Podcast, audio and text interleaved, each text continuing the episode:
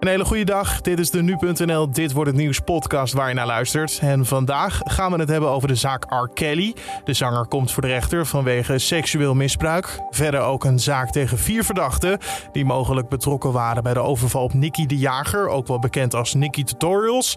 En voetbal, want PSV en AZ spelen vanavond voor Europees voetbal. Daar gaan we het zo over hebben. Eerst kort het nieuws van nu. Mijn naam is Carne van der Brink en het is vandaag woensdag 18 augustus. Evacuatie Nederlandse Afghanen mislukt. Het gaat om een groep Nederlanders die het gisteravond niet gelukt is om de evacuatievlucht te bereiken. Ze kwamen niet langs de Amerikaanse militairen die de ingangen bewaakten van het vliegveld van Kabul. Er zouden duizenden mensen bij het vliegveld staan, wat de situatie gevaarlijk en chaotisch maakt. Volgens demissionair minister Sigrid Kaag waren de Nederlandse Afghanen wel in de buurt, zo zei ze gisteravond. Heel veel mensen waren er, we hebben ze kunnen bereiken. Ze stonden daar aan de poorten van de luchthaven, dus ik vind het, ik vind het vreselijk. We hebben weer contact met al onze Nederlanders en hopelijk uh, is er morgen een verbetering in de situatie. Zo was te horen bij RTL Nieuws. Volgens de minister zou de tijd tussen het landen van vliegtuigen en het vertrek heel kort zijn om mensen aan boord te krijgen. En voor de Europese Unie zit er niets anders op dan met de Taliban te gaan praten. Zeker nu de terreurorganisatie de oorlog in Afghanistan heeft gewonnen. Dat zegt de buitenlandschef van de Europese Unie. Dat is echter niet hetzelfde als het erkennen van het gezag van de Taliban, dat zei hij erbij. Om wat gedaan te krijgen zijn Nederland en andere Europese landen afhankelijk van de contacten van de Verenigde Staten. De Amerikanen hebben namelijk het politieke en militaire overwicht en onderhandelen al langere tijd met de Taliban. En dan ander nieuws, want Gert-Jan Zegers van de ChristenUnie denkt niet deel te gaan nemen aan een nieuw kabinet. Dat zei hij gisteravond na afloop van zijn gesprek bij de VVD en D66. We hebben ook gesproken over de uitlatingen. We hebben ook gesproken over het feit dat wij hebben gezegd... wij zijn bereid te praten als we gewenst en nodig zijn. Nou, ik heb niet gehoord dat ik nu nodig en gewenst ben. Dat was te horen bij het AD. Eerder had Kaag van D66 in dezelfde krant gezegd... dat ze niet meer met de ChristenUnie in een kabinet wil zitten...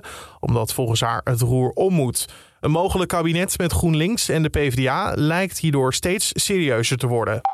En het dodental door de verwoestende aardbeving in Haiti is verder gestegen naar bijna 2000. Volgens UNICEF zijn zeker 1,2 miljoen mensen getroffen door deze natuurramp. Gevreesd werd nog dat de tropische storm Grace de situatie in het land verder zou verslechteren. Maar die passeerde grotendeels het eiland. Wel zorgde de storm voor veel regenval, waarbij op sommige plaatsen overstromingen ontstonden.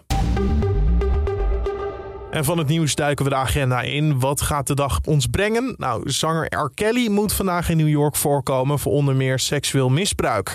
R. Kelly werd in de jaren 90 bekend met nummers als I Believe I Can Fly en If I Could Turn Back the Hands of Time. Entertainmentverslaggever Lara Zevenberg volgt deze zaak voor nu.nl en sprak met collega Julian Dom over waar R. Kelly nou precies van wordt verdacht. R. Kelly wordt van een heleboel verdacht. In totaal zijn er uh, eh, 22 verschillende onderdelen opgenomen in deze rechtszaak die nu in New York speelt.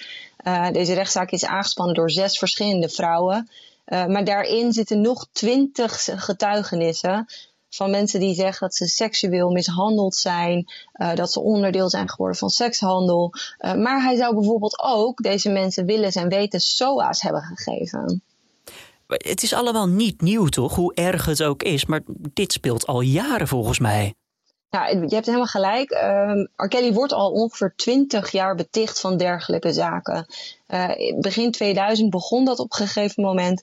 Toen is er één vrouw geweest die heeft hem aangeklaagd. Daar, dat is uiteindelijk niet tot een rechtszaak gekomen. Ze hebben uh, een, uh, een, schikking getroffen met, met elkaar als advocaten. maar daarna is het eigenlijk nooit meer helemaal verstomd.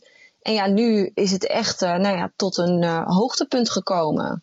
Wat is er dan nu iets daadwerkelijk veranderd dat we bij dit hoogtepunt terecht zijn gekomen? Nou ja, R. Kelly, eigenlijk is dit twee jaar geleden al veranderd. Toen is hij gearresteerd. Um, en toen begon het balletje ook een beetje te rollen even daarvoor. En toen zijn er verschillende documentaires zijn over hem online en op televisie verschenen. Waarin heel veel vrouwen hun verhaal deden.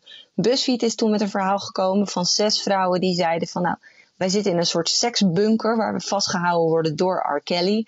Um, en sinds die tijd zit hij dus in voorarrest. Hij mag niet daaruit, omdat nou, er is een vrij groot vluchtgevaar bij hem. Hij is op een gegeven moment ook weg geweest. Zijn advocaat wist niet waar hij toen was.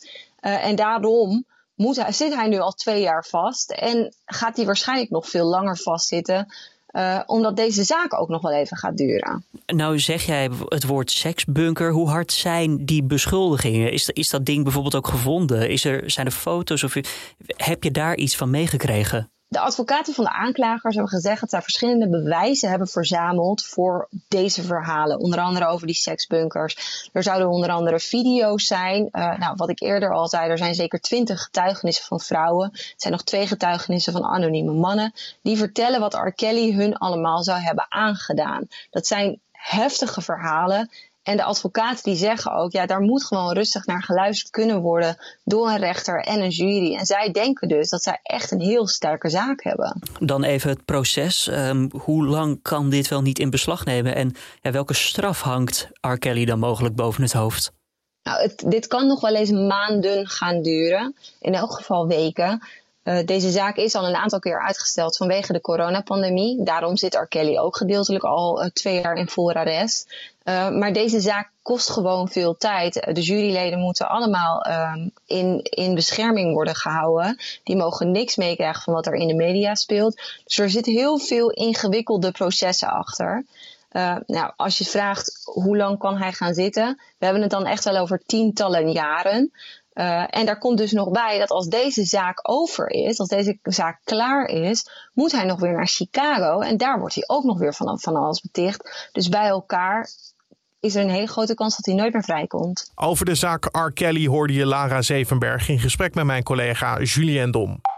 En vandaag ook een regiezitting tegen vier mannen die verdacht worden van inbraak en woningovervallen. Ze worden verdacht van deelname aan een criminele organisatie. Drie van de vier verdachten zouden ook betrokken zijn geweest bij de overval op Nicky de Jager, ook bekend als YouTube-ster Nicky Tutorials.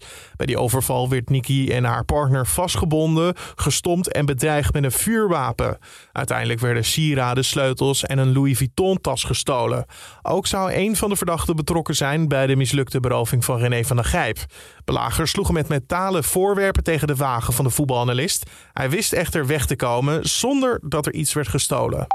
En dan nog sport, want PSV en AZ spelen vandaag voor een Europees ticket. PSV neemt het op tegen Benfica met als doel een ticket voor de Champions League groepsfase. Volgende week is de return in Eindhoven. AZ speelt in Glasgow de eerste wedstrijd in de playoffs tegen Celtic. Als zij over twee wedstrijden weten te winnen, mogen ze uitkomen in de Europa League. En de vaste prik van deze podcast, dat is natuurlijk de vraag wat voor weer het vandaag gaat worden. Dat vragen we vandaag aan Alfred Snoek van Weerplaza. Vandaag trekt er best veel bewolking over het land. Af en toe breekt echter ook wel de zon door en op de meeste plaatsen overheersen de droge momenten. Een enkele bui, vooral vanmiddag landinwaarts, is echter niet uit te sluiten. De wind waait matig uit westelijke richting, kracht 3 tot 4.